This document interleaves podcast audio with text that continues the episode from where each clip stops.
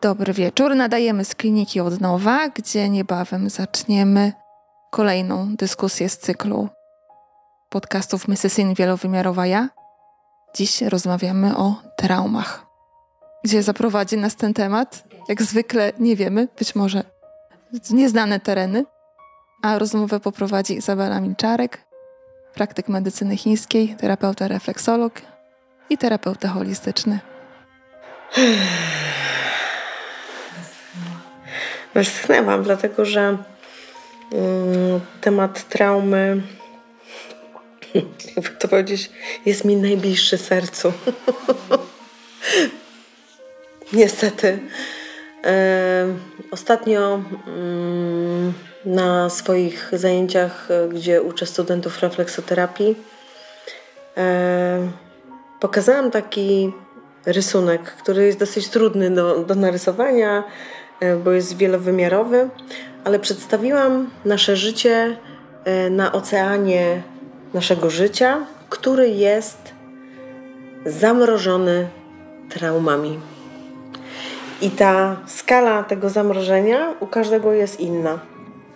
I my, jako e, właściciele tego oceanu życia, jesteśmy E, na, tym, na tej krze, można powiedzieć, wielkiej, bo to cały taki wielki ocean, on wpada do, do innych e, innych oceanów, tak? Ale generalnie to, co jest nasze, jest zamrożone i my mamy super zajebiste techniki, które pokazują, że możemy uprawiać na przykład ślizganie, e, na przykład e, przemieszczanie się wężykiem, różnego rodzaju e, techniki, które powodują, żeby nie zrobić nic, żeby dosięgnąć do potencjałów, które są ukryte niestety bardzo głęboko, ale chronią je traumy. I teraz do mnie jako do terapeuty przychodzi cała masa pacjentów, których ja poprowadzam, jakby uprawiamy takie mm, snurkowanie, e, wiecie, na oddechu, żeby po prostu zejść na dół i tam przeżyć dokładnie to, co jest potrzebne do przeżycia, żeby ta trauma mogła odpalić się miłością, żeby mogła zostać uznana i żeby ten cały ruch tej energii ognia poszedł do góry i tym samym rozsadził trochę to napięcie, które tworzy całe to zamrożenie. I ja jestem na swojej ścieżce od 10 lat takiego samorozwoju, e, ale świadomego rozwoju, który podąża za tym, co się we mnie rzeczywiście dzieje.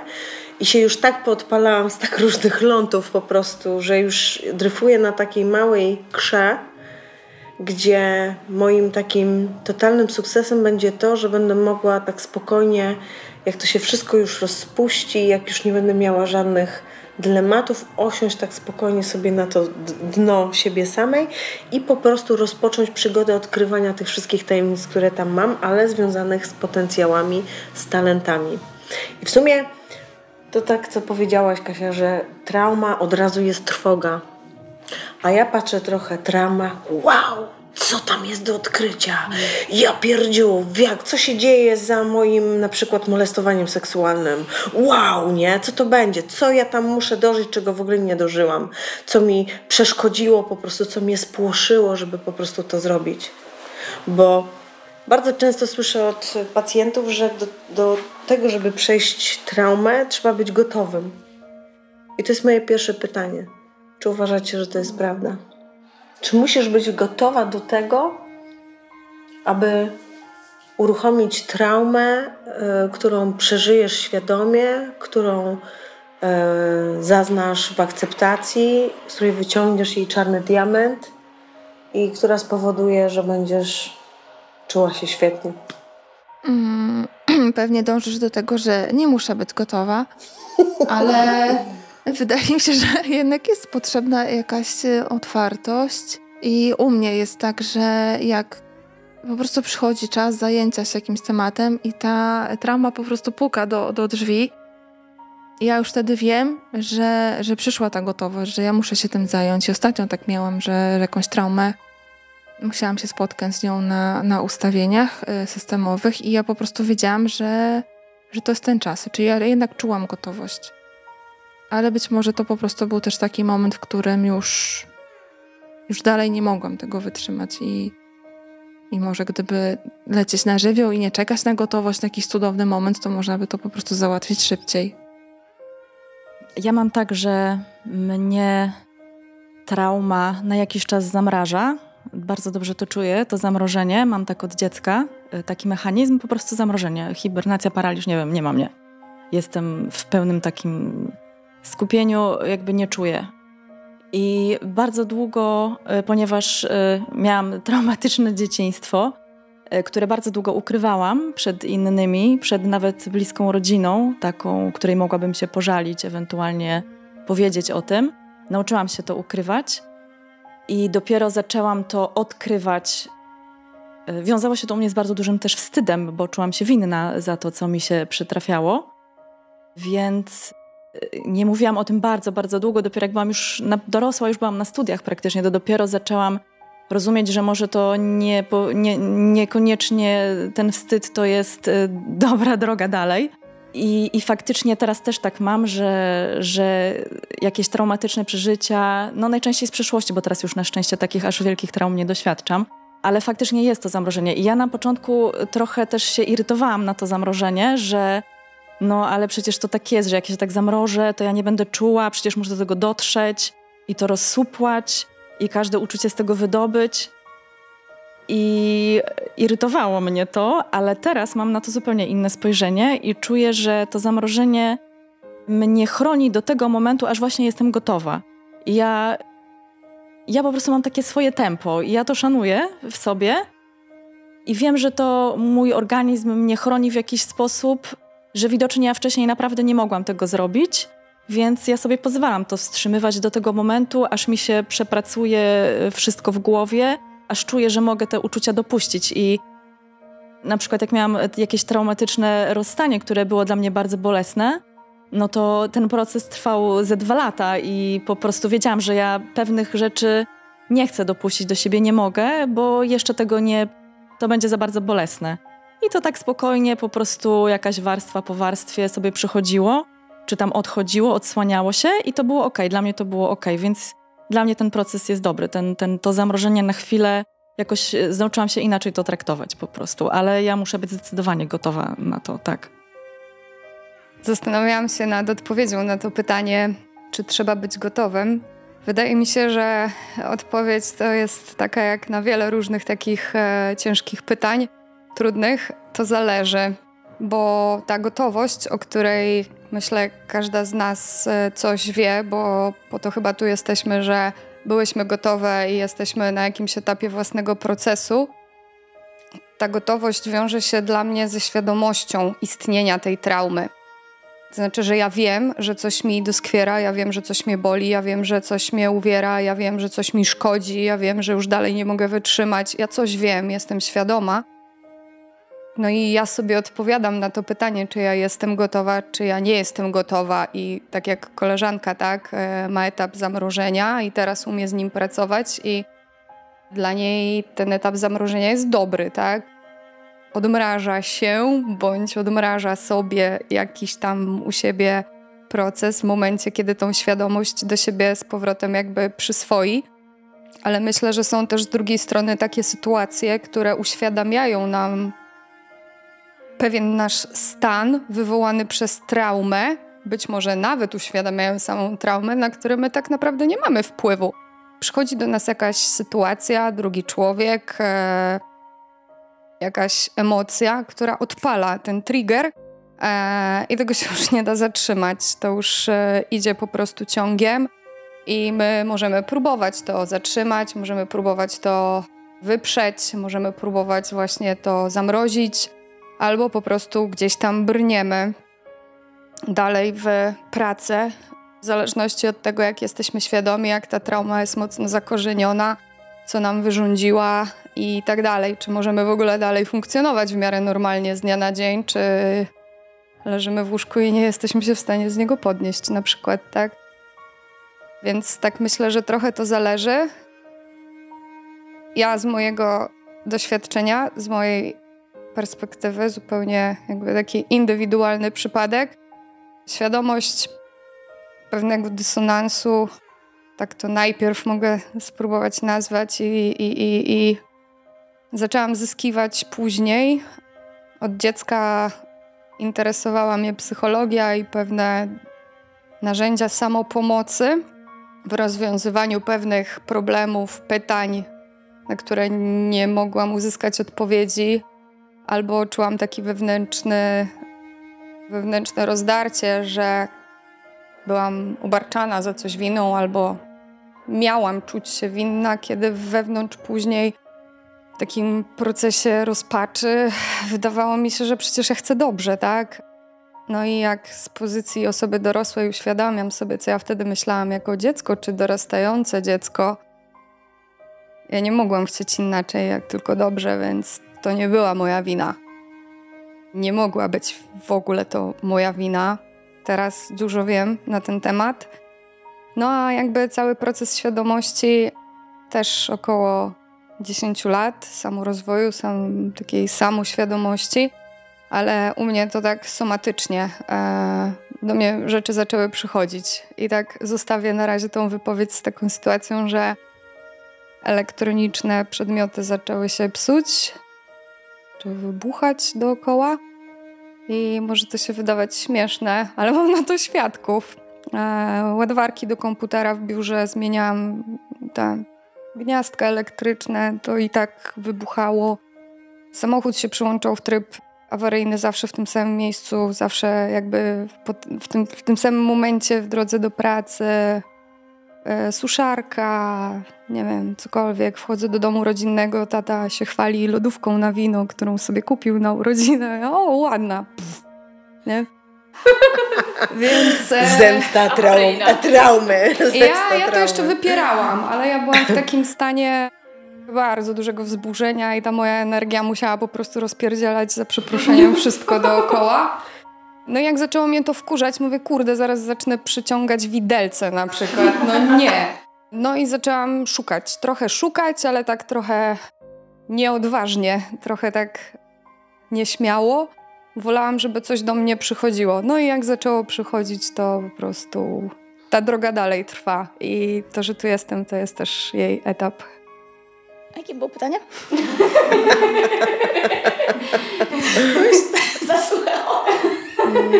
Czy jestem gotowa? Tak. Czy muszę być gotowa na traumę? No to jeśli o mnie chodzi, to ja uważam, że ja muszę być gotowa. Tak, wiem, że jakby wypierałam bardzo, bardzo długo całe moje dzieciństwo i dopiero kiedy już właściwie doszłam do ściany, poszłam na terapię jakby dopiero wtedy zaczęłam nad tym pracować, tak? I jakby dopiero nie wiem, jestem dwa lata w terapii, a dopiero po dwóch latach zaczynam mówić tak o tych wydarzeniach dzieciństwa, bo jakby poszłam w ogóle z zupełnie innym problemem, tam, że o pracę, ble, ble, ble, ble.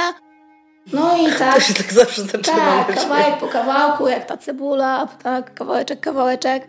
I dopiero teraz, no, dochodzę do tego wszystkiego i uważam, że, nie wiem, wcześniej po prostu chyba nie byłam na to gotowa, jakoś tak emocjonalnie, nie wiem, po prostu chyba bym tego nie przetrwała, nie przetrawiła. Dopiero po prostu musiał nadejść ten moment, no właściwie chyba po prostu, że już doszłam do takiej ściany, że już jakby życie straciło dla mnie sens.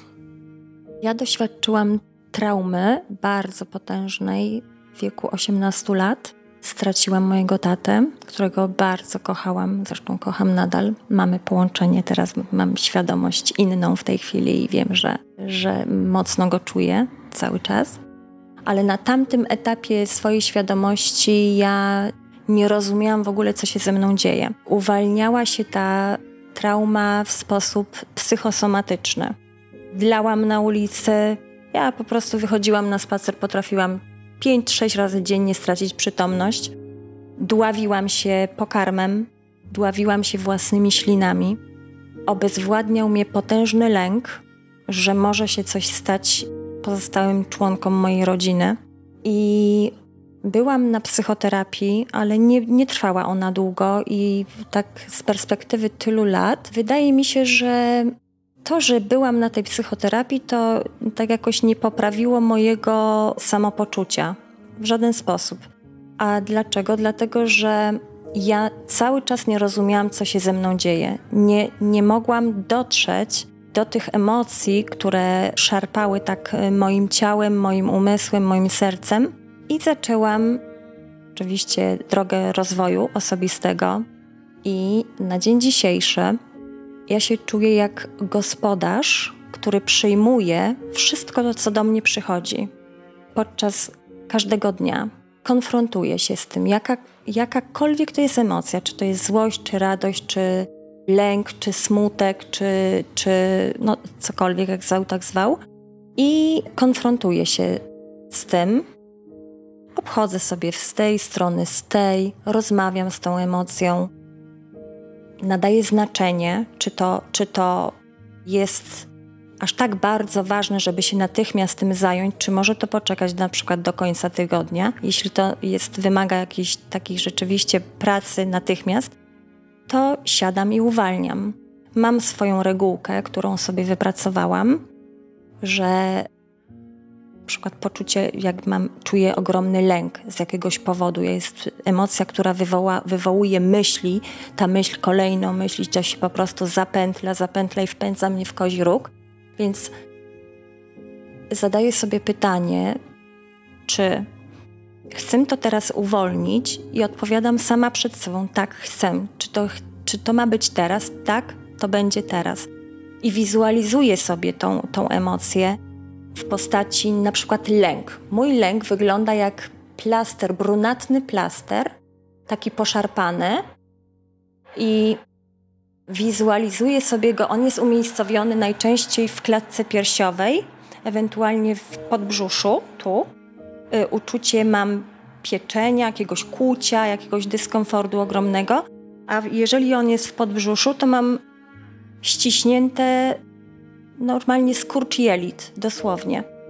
I wizualizuję sobie tą emocję w taki sposób, że y, tam, gdzie ona jest, dotykam ją i pod wpływem dotknięcia ona zmienia i barwę, bo jest brunatna, później ona się zmienia w bardziej łagodne kolory, zmienia kształt i do momentu, jak ją doprowadzę do koloru biało-złotego, wraz z ogromnym wdechem ja ją uwalniam z wydechem i ona w postaci takiego złotego i białego pyłu osiada.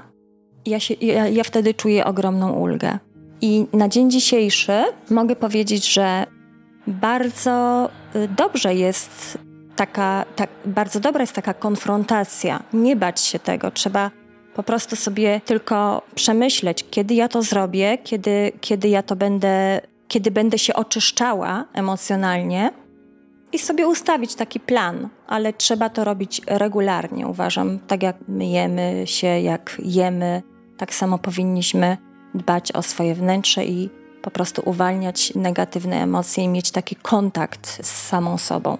Są też techniki oddychania, które też bardzo dobrze wpływają na, na to, na jakość życia, żeby mieć taki luz w sobie, żeby się tak osadzić. Więc, więc y, tak. Także, także jesteśmy wyposażeni w różnego rodzaju narzędzia, tylko nasza świadomość powinna, wiadomo, ewoluować, powinniśmy pracować nad sobą i na każdym jednym etapie ta y, świadomości, te narzędzia będą inne i będą zupełnie inaczej z nami tutaj współpracowały.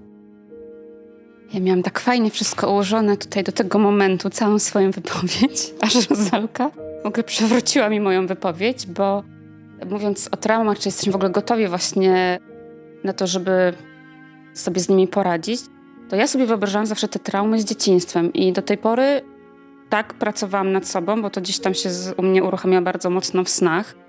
Ja mam po prostu telenowele w snach różnego pokroju.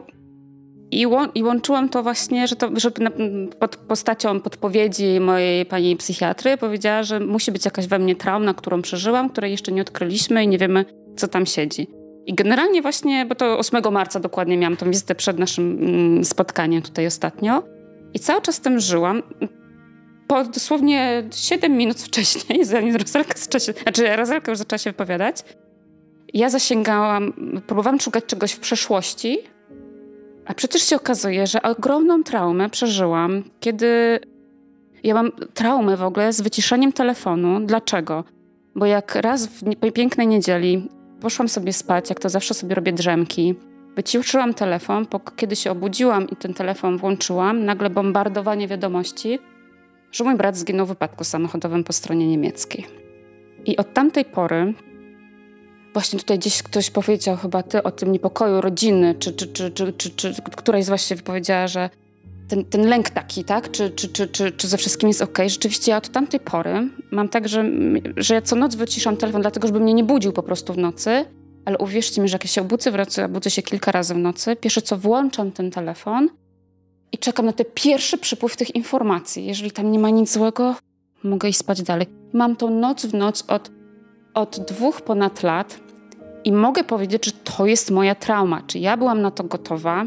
Mnie to zaskoczyło, tak? To jest po pierwsze, mnie to zaskoczyło. Nie umiem sobie poradzić z tym do dzisiaj, bo w ogóle sobie dzisiaj właśnie w tym momencie zdałam sprawę, że to jest moją traumą, a ja szukałam w dzieciństwie, próbowałam grzebać w dzieciństwie. Pewnie tam też coś jest, ale to jest tą traumą, bo ja mam schizy.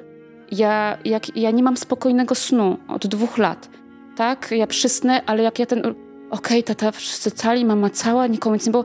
Następny dzień i następny dzień. I naprawdę sobie zdałam, słuchajcie, przed chwilą sprawę, że, że to jest moja trauma, że ja się panicznie boję zasnąć, bo ja bym chciała, zanim ja zasnę w ogóle, to ja wszystkie portale, wszystko przelecę, że uspokoję tą swoją głowę, że tam wszystko, dobra, tu mama, tata, gdzieś tam bliscy, okej, okay, mogę spokojnie zasnąć. No ale wystarczy, znaczy 4 godziny zasnę i to włączenie tego telefonu na nowo jest dla mnie taką, chyba trafił. Będzie jakaś tam wiadomość zła, czy nie będzie? To idzie zwariować.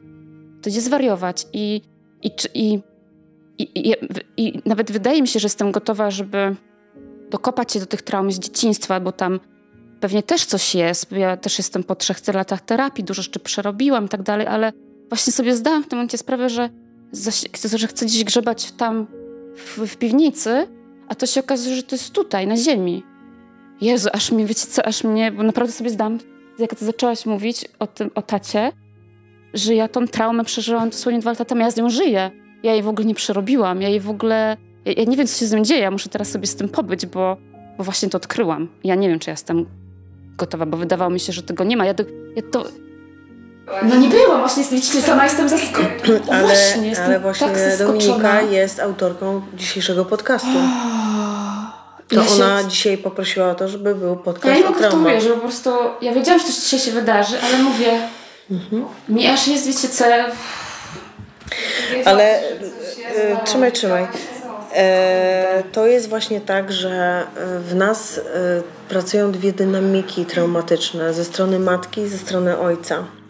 I to są tylko na razie mówimy o dynamice, tak? Że coś jest, co jest bardzo głęboko schowane i coś, co jest bardzo takie agresywne, co przychodzi i na przykład właśnie nas bombarduje i nie jesteśmy, tak jak mówisz, triggeruje i nie jesteśmy w stanie w ogóle sobie po prostu z tym y, y, podejść. Ja miałam rzeczywiście też taki moment, że y, pracowałam z, z moimi studentami i nagle zdałam sobie sprawę, że moja radość nie żadna trauma jeszcze. Moja radość została y, zamrożona gdzieś w, moim, w mojej młodości i to spowodowało, że miałam tam uwięzioną y, radość taką, którą po prostu normalnie używamy do, do normalnego życia i nie mogę się y, po prostu w ogóle nie, nie mogłam zrobić ani jednego, ani drugiego ruchu i nagle wiecie co? Przyszło spotkanie właśnie od traumy. Trauma mi to pokazała, że ona za tym stoi za tą zamrożoną radością. I wtedy dopiero musiałam przeżyć rozpacz. Rozpacz, którą miałam w tamtym momencie. A to chodziło oczywiście o zdradę i o takie dziwne różne rzeczy, które po prostu człowieka e, determinują do różnych tam e, historii. I to, co jest niezwykłe e, w tym wszystkim, to każdy z Was ma rację bo to nawet pokazuje, że nie była gotowa Dominika na traumę, a trauma się po prostu tobie odpaliła.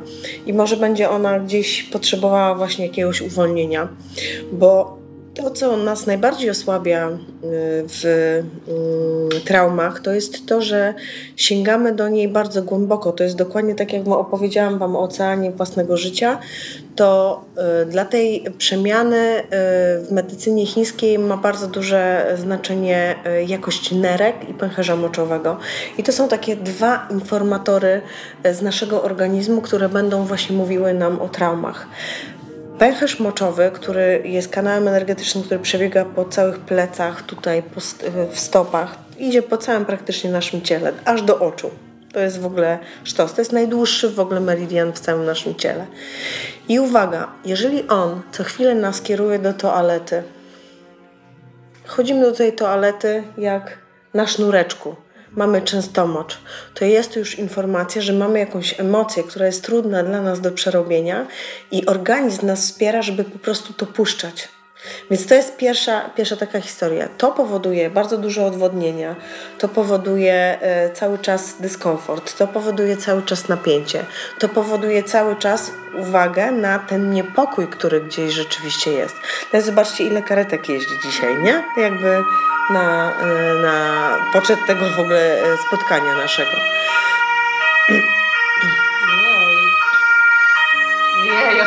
No. I teraz następna rzecz, nerki. Meridian nerek najbardziej e, opasa nas tutaj taką wewnętrzną nitką jest e, z poziomu z tyłu naszych pleców, ale też do klatki piersiowej.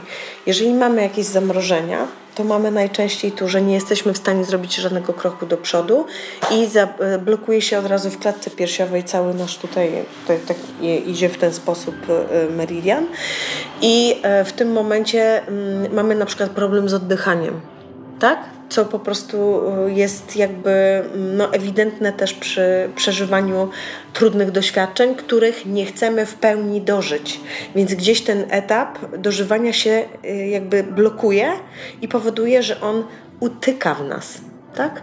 I teraz to, co w nas utyka, powoduje różnego rodzaju dolegliwości niepokój, e, napięcie, bezsenność, bo to, o czym ty mówisz, to jest, jeżeli sprawdzasz i wchodzisz, wychodzisz ze snu i wchodzisz w sen, to jest ewidentnie problem z bezsennością, który ma na, na jakby mm, no, konotację właśnie traumatyczną.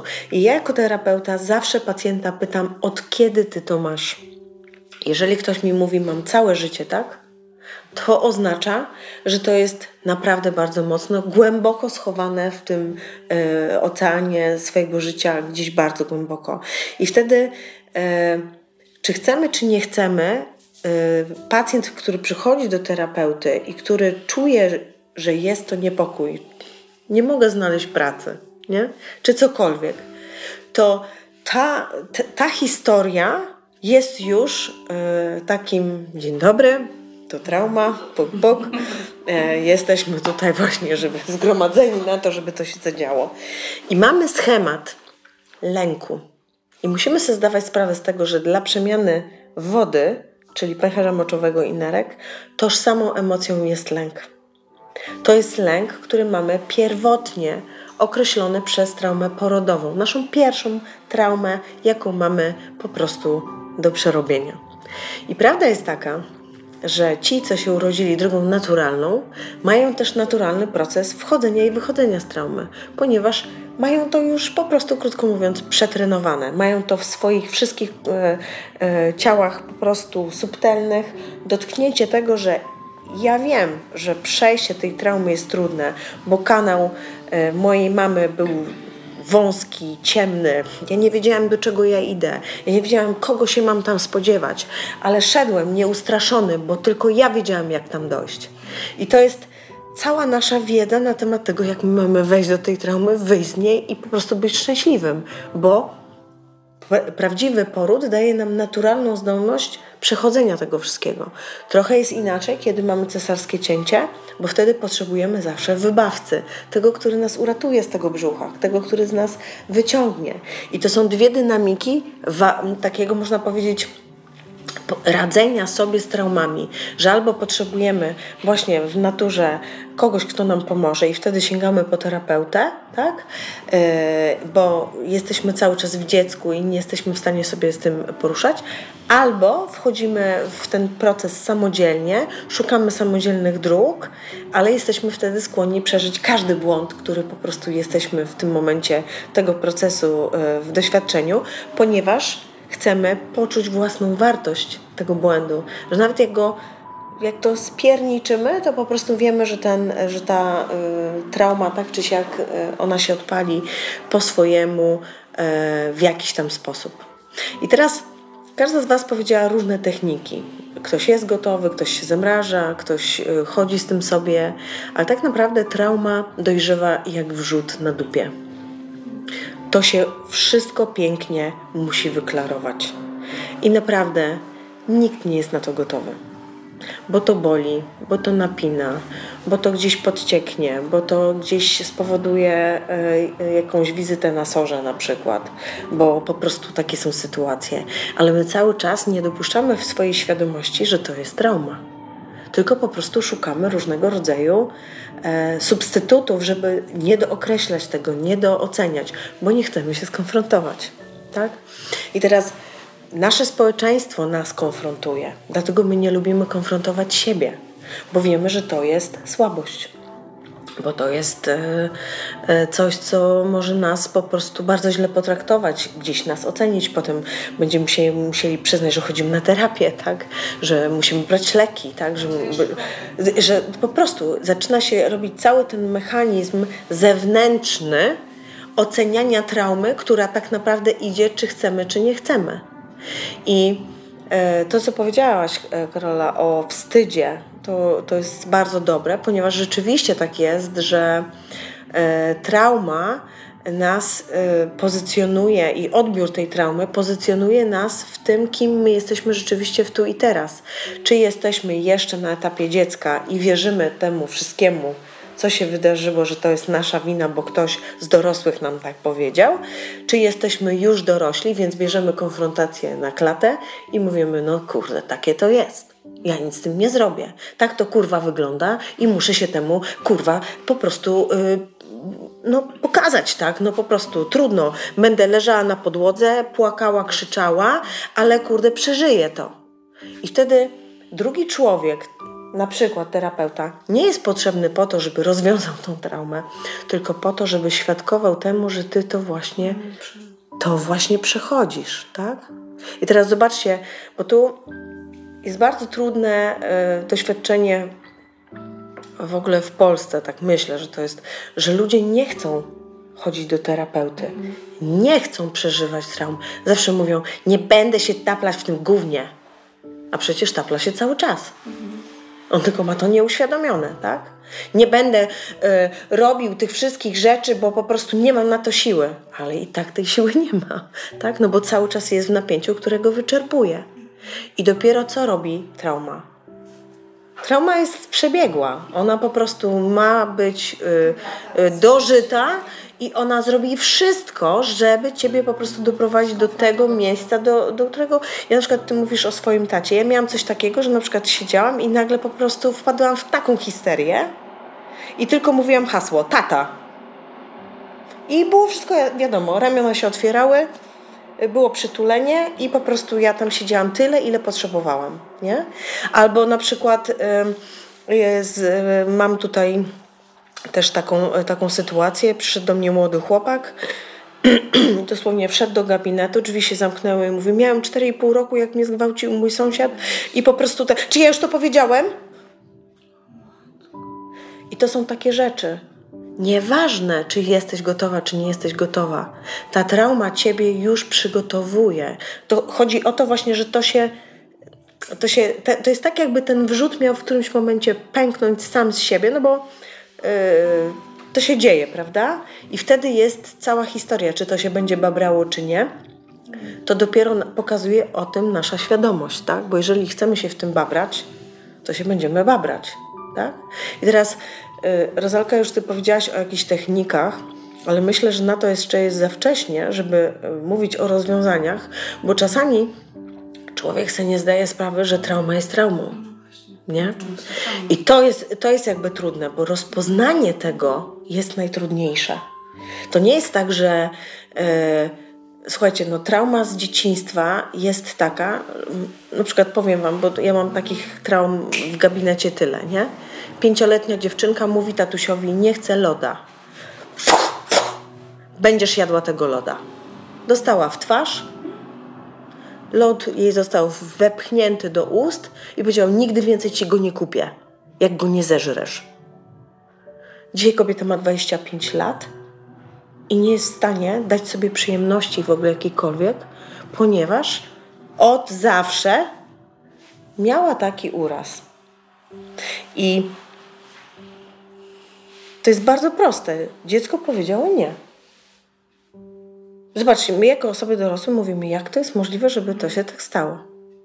Ale trauma rodzi się nie z wyszukanych historii, tylko z tego, że nie dostajemy miłości, nie jesteśmy traktowani uczciwie, że e, wbija nam się e, odpowiedzialność, kiedy nie mamy możliwości wzięcia tej odpowiedzialności, ponieważ ktoś za nas odpowiada. To jest mama i tata. I też potrzebujemy prostej emocjonalności. I tego, co jest dla nas najważniejsze uszanowania naszego ja. I teraz to, co się dzieje z rodzicami, którzy, yy, których teraz oceniamy po latach, nie? że byli tacy i tacy, to, to nie jest w ogóle, to nie idzie w tą stronę. My mamy tylko tak naprawdę popatrzeć na siebie, tą malutką dziewczynkę, która była właśnie w tym momencie, kiedy mówiła tatusiowi nie, żeby on uszanował jej granice. Bo wiecie, co za tym poszło? Przekroczenia, gwałty.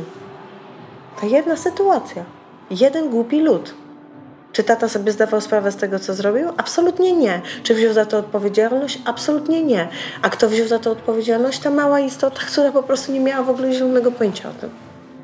I teraz to, co jest najbardziej e, trudne jakby w ocenianiu tego, to jest to, żeby zrozumieć, że trauma, na przykład jedzenia loda, jest traumą.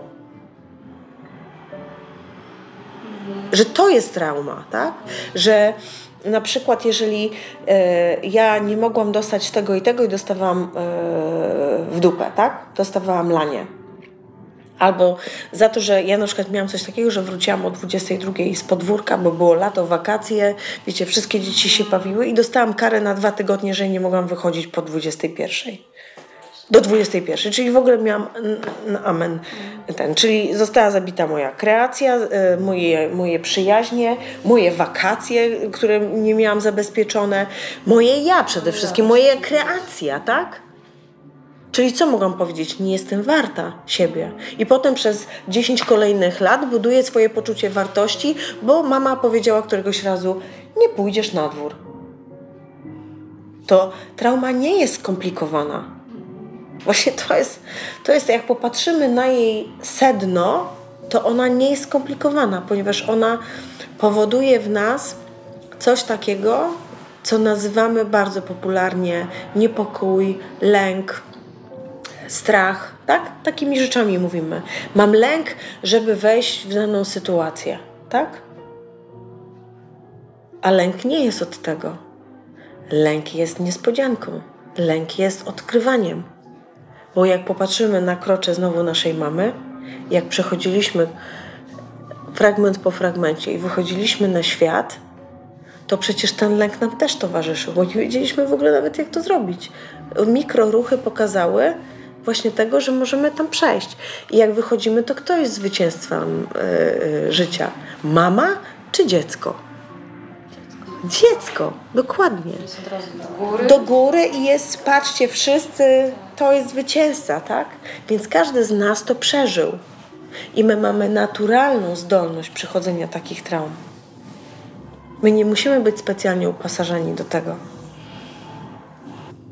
Mało tego, kiedy dodamy do tego odwagę, którą da nam na przykład ktoś, kto towarzyszy nam w tej drodze, to wybudowuje nam się właśnie wtedy to, co jest najpiękniejsze w pracy z traumą nieustraszoność. Dlatego trauma nie potrzebuje ani gotowości. Ona po prostu potrzebuje tylko uwagi. To, to jest w ogóle niesamowite.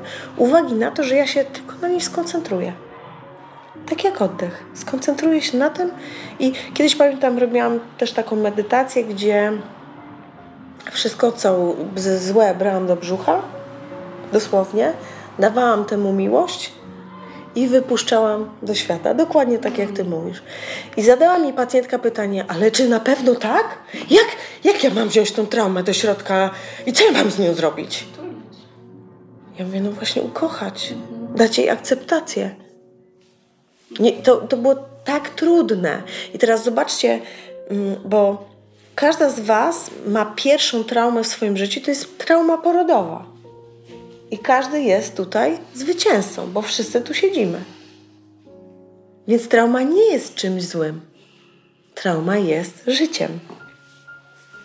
Tylko ona nas musi ukształtować jakby fragment po fragmencie, żeby wszystkie te, można powiedzieć, mikroporody wyjawiły się dokładnie tak, jak potrzeba. Czasami potrzeba jednej akuszerki, drugiej, trzeciej, czwartej, ale, ale wyciągnięcie tego dobrobytu, tego życia nowego jest właśnie w tym, że stajemy naprzeciwko tego, konfrontujemy się z tym, nie uciekamy od tego. I uznanie tego, to jest bardzo ważne, to co powiedziałaś, że kiedy jestem dzieckiem, nie mogę mówić, czy to jest takie, czy takie, ponieważ mój styl odpowiedzialności, jakby za to, yy, jest tak naprawdę żaden. Ja jako dziecko nie odpowiadam za nic. Więc każda trauma, która idzie z poziomu rodzica i drugiego rodzica, z mamy i z taty, która jest na nas nałożona, nie jest nasza. I pierwszą rzeczą, którą musimy sobie zrobić i skonfrontować, to jest uświadomienie sobie, czy ta trauma, którą niby ciągnę przez całe kurwa życie, jest moja. Czy to jest moje? Czy to jest moja trauma? Bo jeżeli się nagle okaże, że nie jest, to co ja robiłam przez 20 lat? To potem się okazuje, że przez 20 lat żyłam poczuciu winy, lęku. No a łańcuszek dalej, co się może zadziać, to wiemy w gabinetach i fizjoterapeutycznych, i lekarskich. Potem leczymy się u różnych specjalistów na choroby też przewlekłe którą ja akurat zyskałam, bo mój układ nerwowy nie wytrzymał napięcia i pierdolnął e, totalnie, kolaps w ogóle 100%, autoagresja w mózgu i, i to był taki zwrot za trzy lata temu. No tak, ale nawet taka świadomość, na przykład w moim przypadku, nie wiem, ja nadal jestem w procesie, tak? Ja sięgam po różne narzędzia, Myślę, że re, refleksoterapia jest kolejnym, które na pewno spróbuję. I nie wiem, nie, nie wybiegam tak bardzo do przodu, czy jestem w stanie się od tego totalnie uwolnić, ale zarówno i terapia psychiatryczna, i farmakologia na tym tle, e, żeby poradzić sobie z lękiem, e, który zresztą dzisiaj terapeutka od refleksoterapii idealnie znalazła. Czy to wszystko jakby można tak naprawdę e, wykasować. Wykasować myślę, że nie, bo jest ta świadomość i my to wiemy, że coś się zadziało. E, pogodzenie się, ukochanie też. Tylko jakby taka świadomość, że mi to więcej już nie przeszkadza w danym momencie mojego życia. I wydaje mi się, że to chyba nie jest możliwe, bo jakby różne sytuacje jednak dalej znowu triggerują to, co kiedyś było, mimo że sobie z tym już na przykład poradziłam, albo mimo tego, że wiem, że, um, że to nie jest moje, albo wiem, że coś już mi pomogło i że mam technikę, że myślę, że to jest taki to koło życia i taki proces, który chyba będzie w jakiś sposób cały czas bardziej albo i mniej intensywny. Nie wiem. Eee, myślę, że się dowiem, jak będę jakieś ostatnie tchnienie na tym świecie wydawała. Będę mogła powiedzieć, czy kiedykolwiek się uwolniłam, czy nie. Eee... Właśnie chciałam Wam zadać takie pytanie. Czy uważacie, że traumę y, po prostu można y, dożyć całkowicie i nie mieć już o niej żadnego y, po prostu wspomnienia czy też rezonansu. Ja tylko tak skończę tą wypowiedź w kontekście odpowiedzi na to pytanie mhm. właśnie. Na moim przykładzie ja mam cały czas jeszcze jakieś takie poczucie bardziej niesprawiedliwości, poczucie jakiejś tam krzywdy, pochodzę z bardzo jakby szczęśliwego domu, tak? A z drugiej strony jestem poturbowana psychicznie, tak, że moja somatyka kilkukrotnie mnie zaprowadziła do szpitala i na różnym tle właśnie są różne nieprawidłowości w moim organizmie, a psychika to jeszcze zupełnie osobny temat. Więc nie wiem, nie wiem, czy jestem w stanie tak zupełnie wybaczyć, bo na tym tle chyba na razie nie jestem. Święta wielkanocne, które mamy ze sobą, rodzinne spotkania, wszystko fajnie, ale okazuje się, że może być stres spowodowany białą kiełbasą i wszystko wali się w gruzy. No święta I... są najbardziej somatyzujące e, traumę. Tak. I jak sięgam pamięcią, to każde święta miały w sobie jakąś dramę, e, więc w ogóle możemy się z tego trochę pośmiać, ale jednak no, ten dosłownie kilka dni wstecz tak sobie uświadomiłam, że w sytuacji, kiedy powinnam odpuścić dla dobra ogółu, celowo tego nie zrobiłam, ale nie po to, żeby zrobić komuś na złość czy zrobić komuś przykrość, e, tylko żeby podkreślić, żeby komuś uświadomić, że hej, ja też tu jestem i moje granice też są i proszę mnie tą kiełbasą nie terroryzować na przykład, tak? Więc to są takie przykłady, że mimo tego, że ja wiem, jestem świadoma, to tak czy siak nie chcę odpuścić jeszcze, bo jeszcze jakby brak tej, tego odpuszczenia jest dla mnie jakimś tam etapem e, czy narzędziem e, jakiejś takiej mojej świadomości, czy mojego udowodnienia sobie, że ja jednak jeszcze nad tym panuję i że ja mogę coś zmienić, tak, że ja sobie coś tam udowadniam, więc e, ja nie wiem, czy można zupełnie odpuścić traumę i czy można zupełnie z niej wyjść. Myślę, że na pewno można sobie pomóc, można żyć łatwiej, przyjemniej, lepiej, można wyzdrowieć albo można poprawić swój stan zdrowia e, fizycznego czy psychicznego, ale czy tak zupełnie nie wiem, nie mam pojęcia, ja nie jestem jeszcze zupełnie na tym etapie, więc z chęcią oddam mikrofon komuś, kto może coś wie więcej. Dobre pytanie. W kontekście tego, że no ja się zawsze nad tym zastanawiam, czy tak można i wydaje mi się, chciałabym wierzyć, że można i wierzę, że można, wierzę, że wielu ludziom się udaje. Może częściowo zależy to od skali traumy, jakiej ktoś doświadczył, może częściowo to zależy od uwarunkowań też y, indywidualnych człowieka. Chciałabym wierzyć, że da się uleczyć całkowicie moją traumę. Na razie raczej się. Właśnie, ja mam taki problem z tym, że. Ech, zdaję sobie sprawę z tego, że ta trauma w dzieciństwie, której zaznałam, jest rozmiarów kolosalnych. Jest jej bardzo dużo. Właśnie jak mówisz o takiej sytuacji, ja wiele razy zazdrościłam takim ludziom, którzy przychodzili na przykład do gabinetu i dochodzili do tego momentu, dobra, no bo to była właśnie taka sytuacja, że tata mi tego loda wmusił Chociaż podejrzewam, że tu się nie zamknę, bo jeżeli tata raz coś takiego zrobił, to podejrzewam, że był z niego niezły gagatek i pewnie więcej było takich sytuacji. Natomiast u mnie taka sytuacja z lodem to jeszcze był taki lajcik powiedzmy, który się zdarzał i tak kilka razy dziennie. Więc jako dziecko ja właściwie w ogóle nie miałam żadnej swojej, ja w ogóle nie byłam swoja, tak? Nie decydowałam kompletnie o niczym. Nie mogłam zdecydować, co mam zjeść, kiedy mam, mogę zrobić siku. E, naprawdę pytałam się, kiedy mogę iść zrobić, czy mogę iść robić siku, bo nie sądziłam, że mogę sama iść zrobić siku, nie? Także jakaś tam kreacja czy coś takiego, to w ogóle był jakiś taki y, inny wymiar, inny świat, tak? Ja nawet o czymś takim nie marzyłam, że mogę coś w ogóle wykreować kiedykolwiek. Natomiast to jeszcze jest nic, bo jakby największy, największym problemem była po prostu.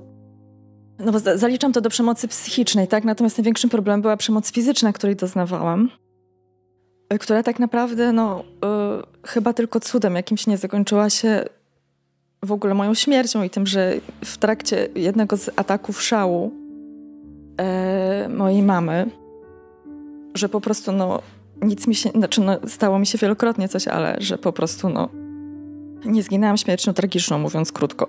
I te, to się zdarzało praktycznie codziennie, więc no skala jest dosyć duża, tak?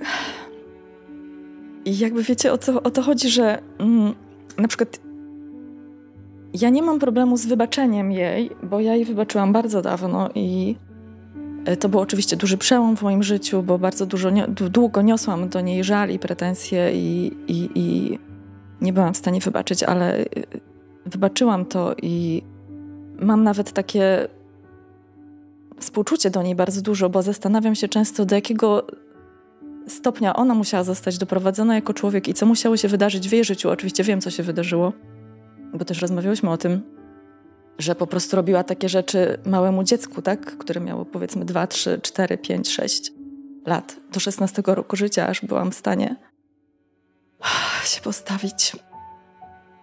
I teraz wiecie, jak się dostaje taki ładunek, no to jakby też trochę to tłumaczę, dlaczego ja to zamrażałam, bo po prostu to nie było, nie było możliwości przyjąć tego wszystkiego naraz. Bo gdybym przyjęła, no to pewnie coś bym sobie po prostu sama zrobiła. Byś nie przeżyła po prostu. Byś tego nie przeżyła. Dlatego to musiało wychodzić latami i stopniowo i dlatego ten mechanizm mi po prostu został. Dlatego ja mam do niego bardzo duży szacunek, no bo dzięki niemu żyję. No i teraz tak, dostaję coś takiego i tak sobie myślę, kurwa serio, po prostu naprawdę, naprawdę musiałam dostać tyle. I wiecie, z jednej strony czuję siłę, która z tego płynie, bo przeżyłam to wszystko i przetrwałam i, i, i czuję się jak naprawdę taki survivor po prostu. Ale kiedy twoje dzieciństwo cały czas jest wojną, jest polem walki i bitwy, ja się naprawdę wiele razy w życiu zastanawiam, czy ja jestem w stanie tego wyjść. I jestem w terapii od wielu lat i, i byłam w terapii tradycyjnej, takiej, która oczywiście bardzo mi pomogła i, i doprowadzała mnie do każdego kolejnego momentu, kiedy musiałam już iść inną drogą i pogłębiać ją i iść jakimś innym nurtem, który bardziej mi pasował. Ale ja się często nad tym zastanawiam, czy ja kiedyś to wszystko rozsupłam i, i, i dotrę do tych wszystkich emocji, bo tego jest naprawdę strasznie dużo. No to ja mam dokładnie tak jak Karolina. Myślę, że w ogóle mamy dość podobne historie. I chyba mam takie same obawy, czy tony tego wszystkiego, co się wydarzyło, mogę przez siebie przerzucić. Przerzucić i przetransformować i, i z tego wyjść. Jest taka obawa, że może nie, ale próbuję. Po prostu kroczek po kroczku. No i włącza mi się czasem taki, taki żal, wiecie, dlaczego ja? Dlaczego... O co chodzi? Po co, po co ja to musiałam przeżyć? No widocznie po coś.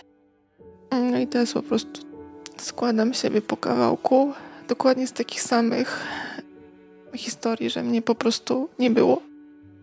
Znaczy nie miałam prawa głosu. Że kiedy byłam po raz kolejny katowana, to już nawet przestałam płakać, bo wiedziałam, że i tak mnie nikt nie słyszy.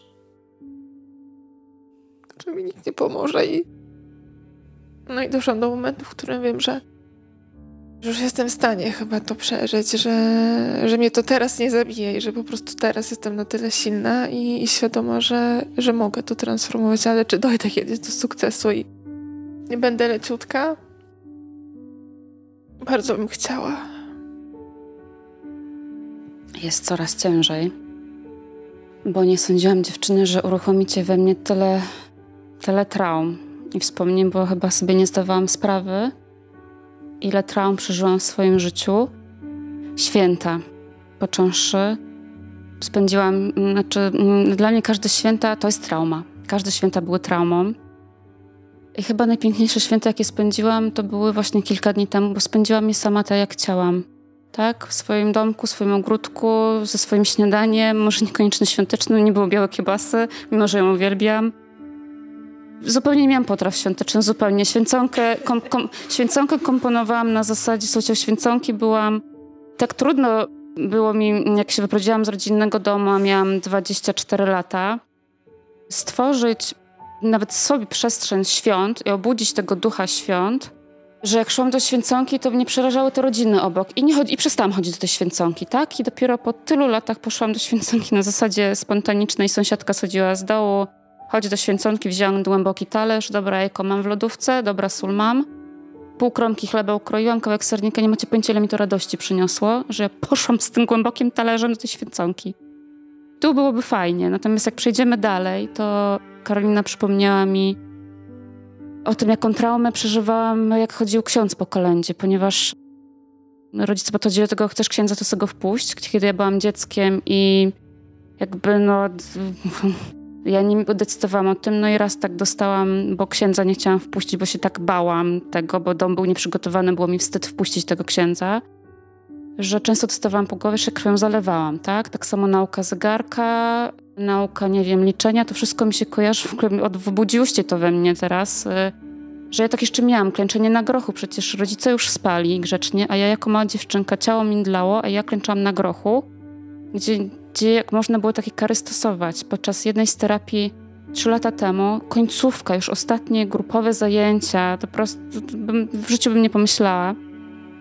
Jedna dziewczyna też coś właśnie wypowiadała i jak ja wybuchłam, słuchajcie, co we mnie wyszło, przez 30 parę lat wiecie, co schowałam w sobie? Katowanie wręcz pasem. Moja mama znęcała się nade mną, na zasadzie klęczysz teraz tu przed tym łóżku i to nie był jeden klaps to było, ja miałam sińce, to było po prostu 20 strzał, 30. I jak ze mnie to wyszło, ja wyłam jak wół po prostu. I dzisiaj nie, nie, właśnie, dzisiaj nie potrafię uronić łzy.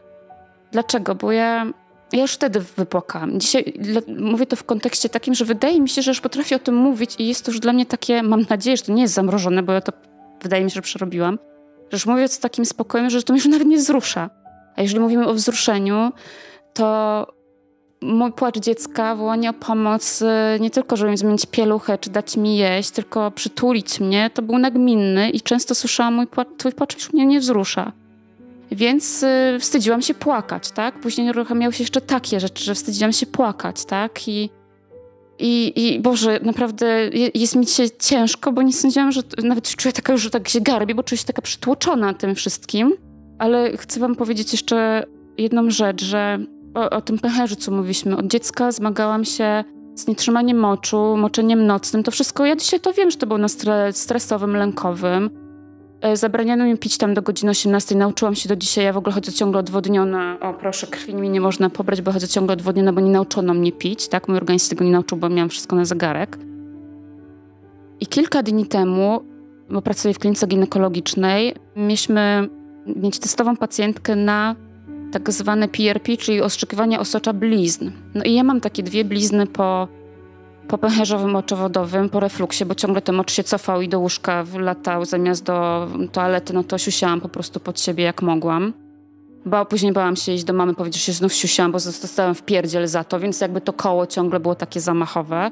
Trauma, z je, je, je, żeby pojechać do rodziny, no bo znów się tam siusiam. Ja nie wiem, co ta noc przyniesie, bo pewnie się znów siusiam i tak było, tak? I tak, tak było cały czas.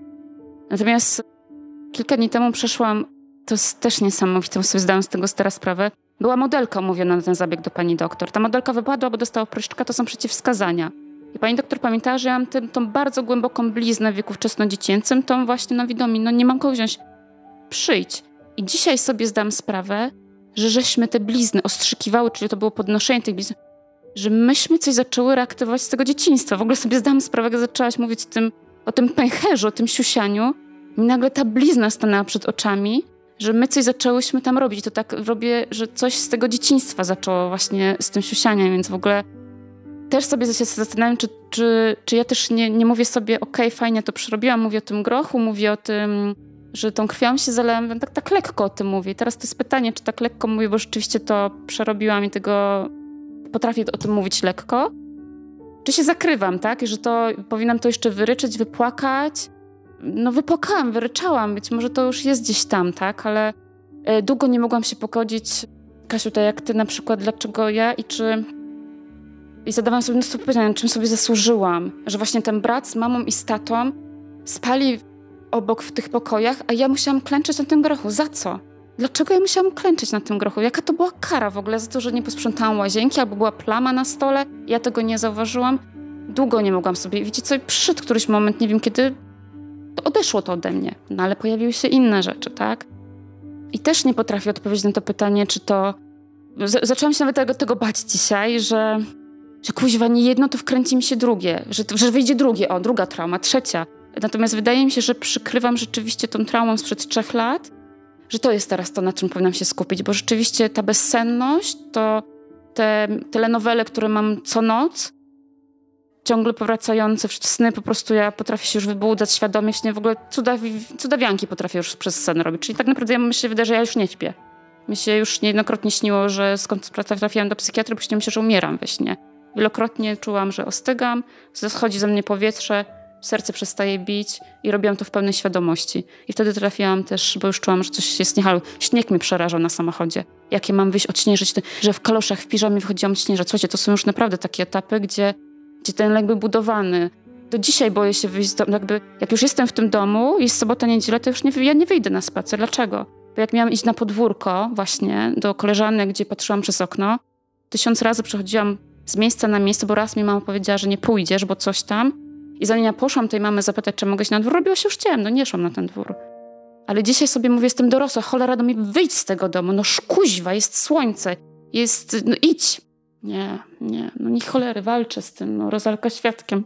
Ale no, no, nie umiem tego dubska wysadzić z tego domu, bo, bo chodzę od okna do okna i wolę się położyć, nie?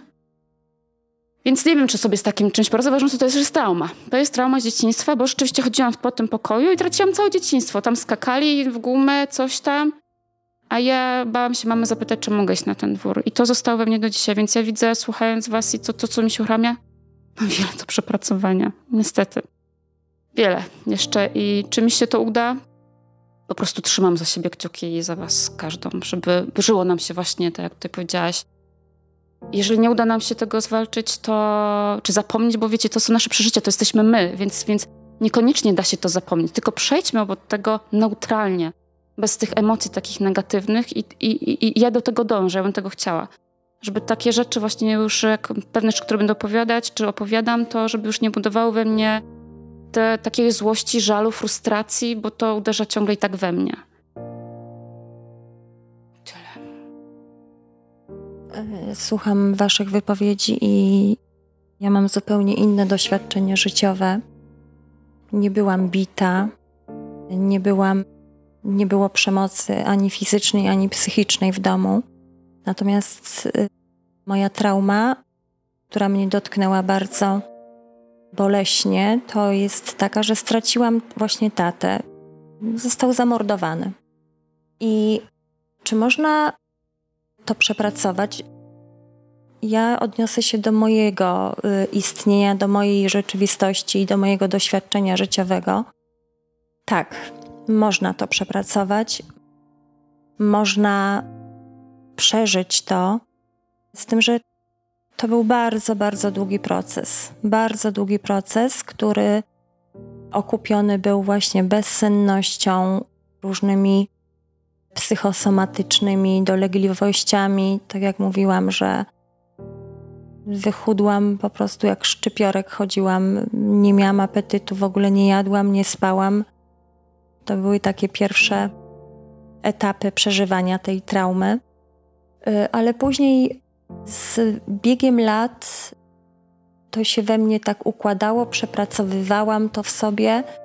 No, na dzień dzisiejszy powiem, że mój tata jest największą nieobecnością w moim życiu. Brakuje mi go bardzo, bo zdążył zaszczepić we mnie dużo miłości do ludzi, do, do świata, do zwierząt.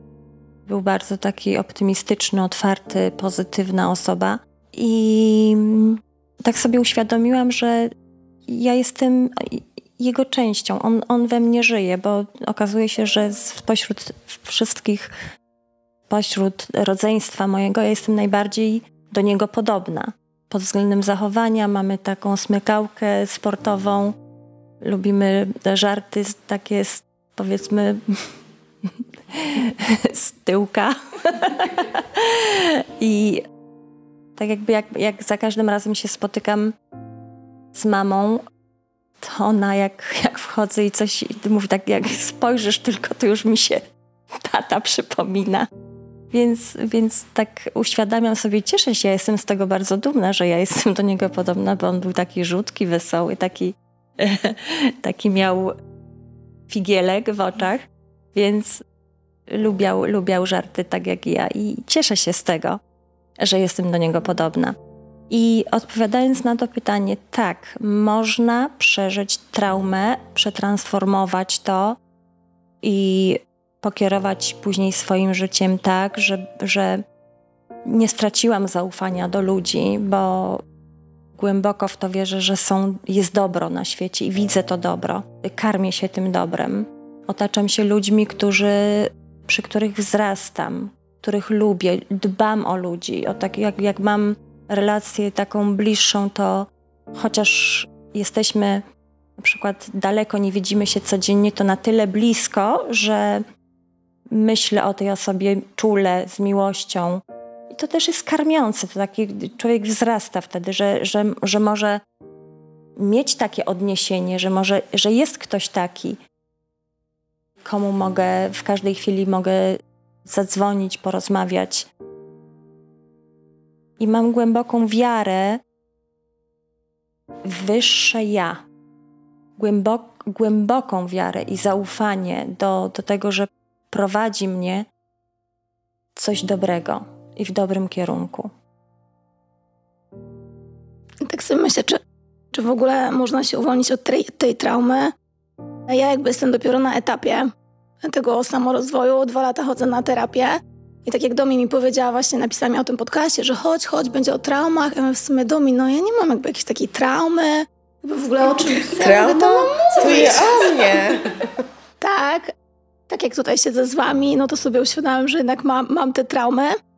Taką, wiecie, ja tego nigdy nie, nie nazywam jakby traumą, ale no mój tata, już mo mogę to powiedzieć, potrafię to powiedzieć, jest alkoholikiem. I to nie jest tak, że piję codziennie, tylko zdarza się to tam co dwa, trzy miesiące, tak?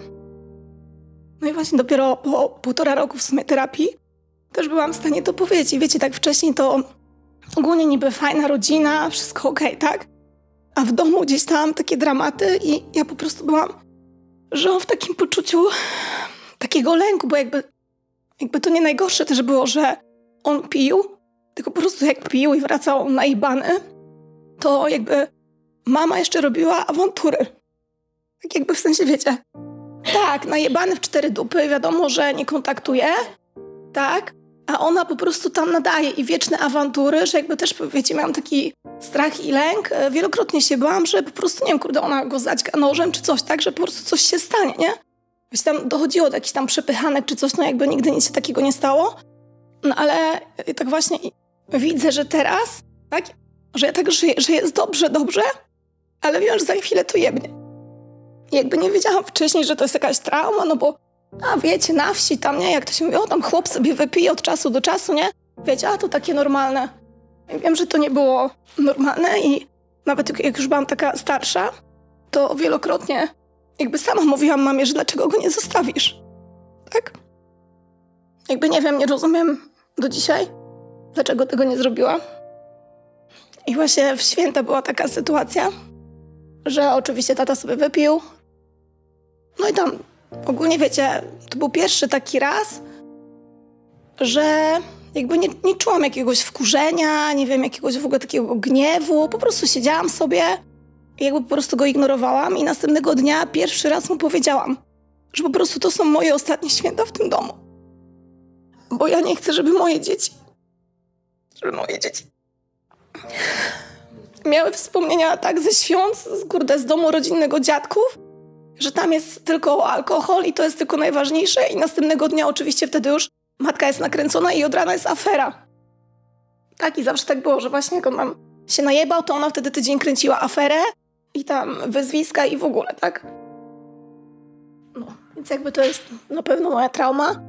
E, teraz taka kolejna, co mi przyszło właśnie na myśl, bo jakby od dziecka właśnie mam tak, że nie, nie, nie potrafię spać sama. Nie zasnę sama. I teraz tak mi przyszło na myśl, że to kiedyś właśnie była taka sytuacja, że tam tata pracował. Ogólnie mama pracowała, bo jakby pracowali w jednej firmie i to był sezon na truskawki. No i tam, nie wiem, przyszła jakaś partia, coś tam, tata musiał jechać to wozić, a że mama była księgową, więc tam coś musiała pogarniać z dokumentami. Ja nie wiem, ile miałam lat cztery, pięć, ale po prostu wiecie, obudziłam się, znaczy ja też nie wiem, czy to był, znaczy to było ciemno na dworzu, tak, więc to była jakaś tam godzina 22, 23 czy coś takiego. I ja się obudziłam po prostu sama w tym domu. Ja w ogóle nie wiedziałam, co się dzieje, tak? Nikogo nie było, chodziłam, szukałam w ogóle po wszystkich pokojach, w ogóle mam też starszego brata, 13 lat, w ogóle nie wiem, gdzie on wtedy był. No i pamiętam, że po prostu włączyłam sobie telewizor, no a to już taka, nie wiem, coś tam na początku leciało, a potem już były te takie mrówki, nie? Bo tam po godzinie któreś tam, to już tylko były takie czarno-białe te. Nie wiem, ile godzin tam siedziałam, aż w końcu zasnęłam, no i oni tam przyjechali o któreś, tak? I jakby właśnie też, no teraz tak sobie uświadomiłam, że to chyba przez to nie potrafię zasnąć sama, tak? Całe, naprawdę całe życie spałam albo z mamą, albo szłam do taty.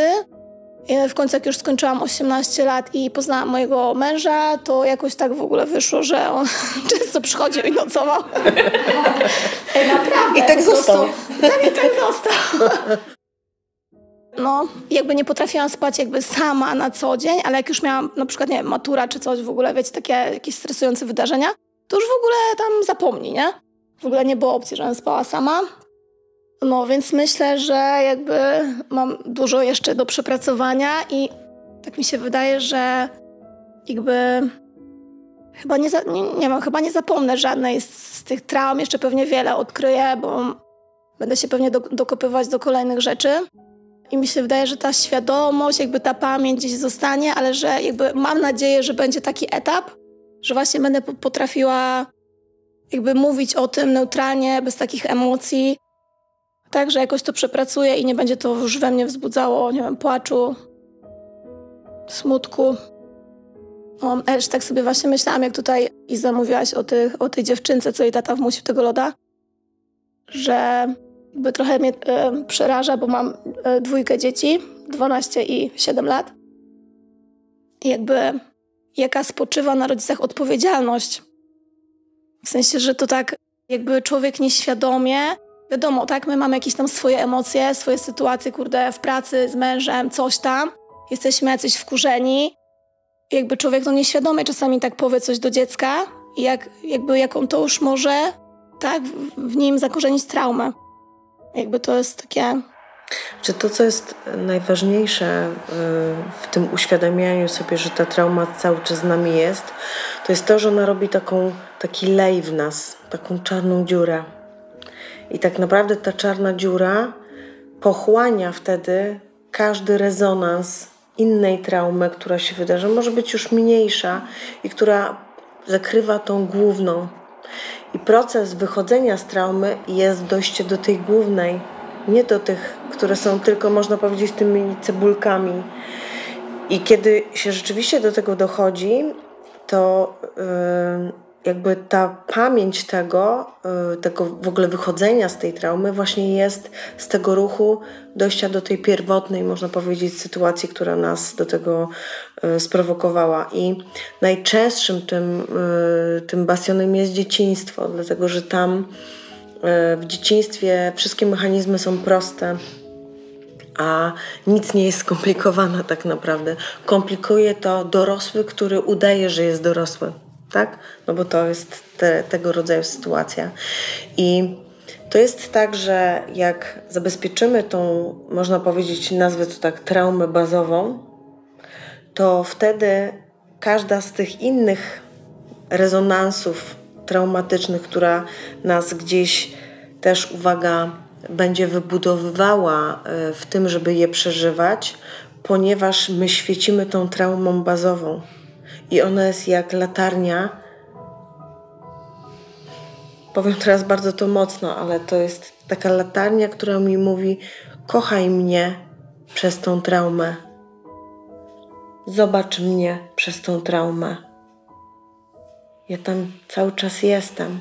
Jest taka wielka lupa tych uwarunkowań, które gdzieś tam pokazują tą małą dziewczynkę, małego chłopczyka, który tam czeka i chce być wybawiony. I chciałabym, żebyście sobie odpowiedziały to w taki sposób, żeby zamknąć na chwilę oczy. Każda z Was bo tu jest potrzeba tego zrobienia. I żebyście zobaczyły siebie, te malutkie dziewczynki w Was, do tej pierwszej, pierwszej takiej traumy, którą przeżyłyście, tej pierwszej takiej, którą pamiętacie na tu i teraz. Chciałam, żeby każda z Was zobaczyła tą sytuację, w której jesteście w miejscu, w którym jesteście, żebyście po prostu swoim okiem obserwatora z tego miejsca, w którym jesteście teraz, zobaczyły siebie malutką w sytuacji, która jest dla Was totalnie zła. I chciałabym, żeby każda z Was zobaczyła siebie. Co ta dziewczynka tam przeżywa?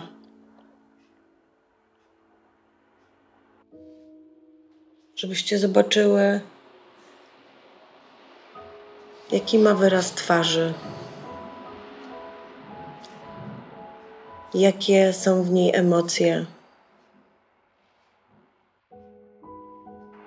Żebyście zobaczyły, jak szuka pomocy i nie może jej znaleźć. Tak jak każda z Was mówiła o tym doświadczeniu, które było dla Was trudne.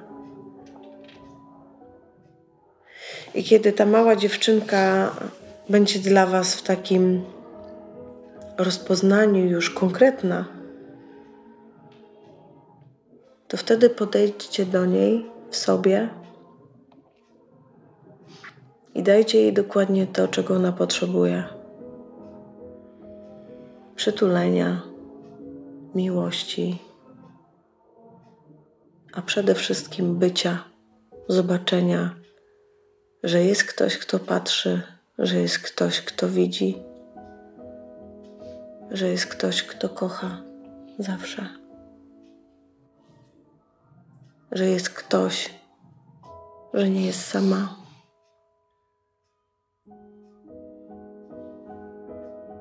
Zróbcie taki wewnętrzny dialog same ze sobą i podarujcie sobie tej małej dokładnie wszystko to, co jest potrzebne na tu i teraz. Możecie ją wziąć tak w takiej ufności na kolanka, przytulić Zróbcie wszystko to, co uważacie, że jest potrzebne. Bo to jest właśnie ta chwila, kiedy ratujesz sama siebie. W bezpieczny i najbardziej świadomy sposób, jaki możesz zrobić. Oddychaj głęboko przy tym.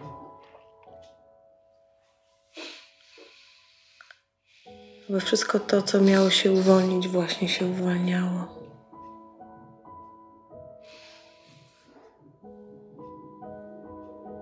Kiedy już jej powiesz dokładnie wszystko to, co ona chciała usłyszeć, spójrz jeszcze raz głęboko w oczy. I zobacz, co tam się pokazuje.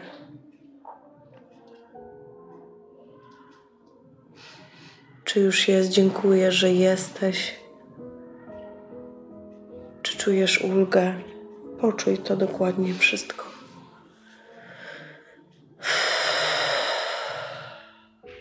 Oddychaj przy tym. To jest bardzo ważne, żeby wszystko to, co się w tej chwili uwalniało, żeby wychodziło z Twojego wnętrza.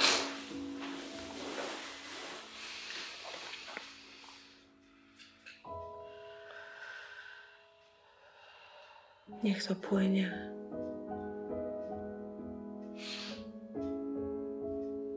Niech Twoja mała dziewczynka zobaczy, że jesteś. Że jesteś tą świadomą, dorosłą osobą, która właśnie zabezpiecza, ochrania, daje poczucie bezpieczeństwa, która kocha bezwarunkowo które akceptuje i przede wszystkim, która widzi, widzi Ciebie.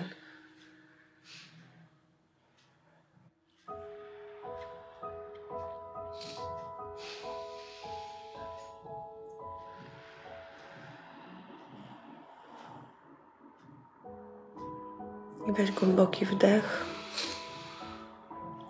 i głęboki wydech. I jeszcze raz głęboki wdech i wydech. I taki trzeci, ostatni z werbalizacją, taki integrujący Ciebie.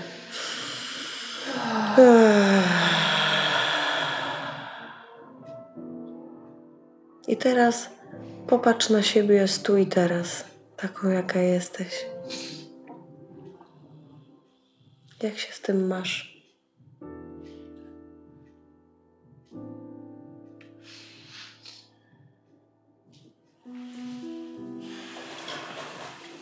Tym masz teraz? Hmm.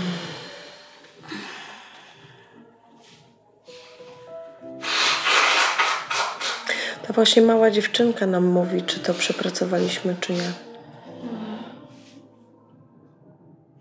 Bo jak ona siedzi na grochu cały czas, to znaczy, że się nic nie przepracowało. To jest wizja wtedy. A jeżeli widzisz, że wychodzi z tego i jest w kontakcie, że ją ukochujesz, to wtedy wiesz, że to następuje, że to się dzieje. Brak ruchu w tym dzieciństwie powoduje to zamrożenie, że jest aktywne cały czas. Dlatego te wędrówki do siebie, takiej małej, w sytuacjach, które były w naszym życiu ekstremalne, bardzo potrzebują takiego wychodzenia, takiego dotulenia, bo wtedy właśnie dożywamy te, te momenty. Wzruszyłyście się tutaj, nie? A tu cały czas mówimy tylko o sobie. Ja myślę jeszcze tutaj. Tak.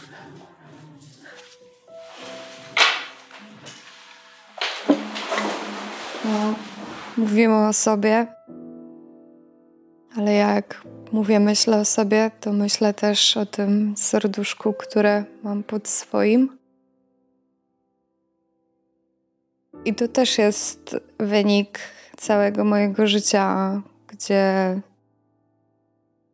buduję swoje życie, swoją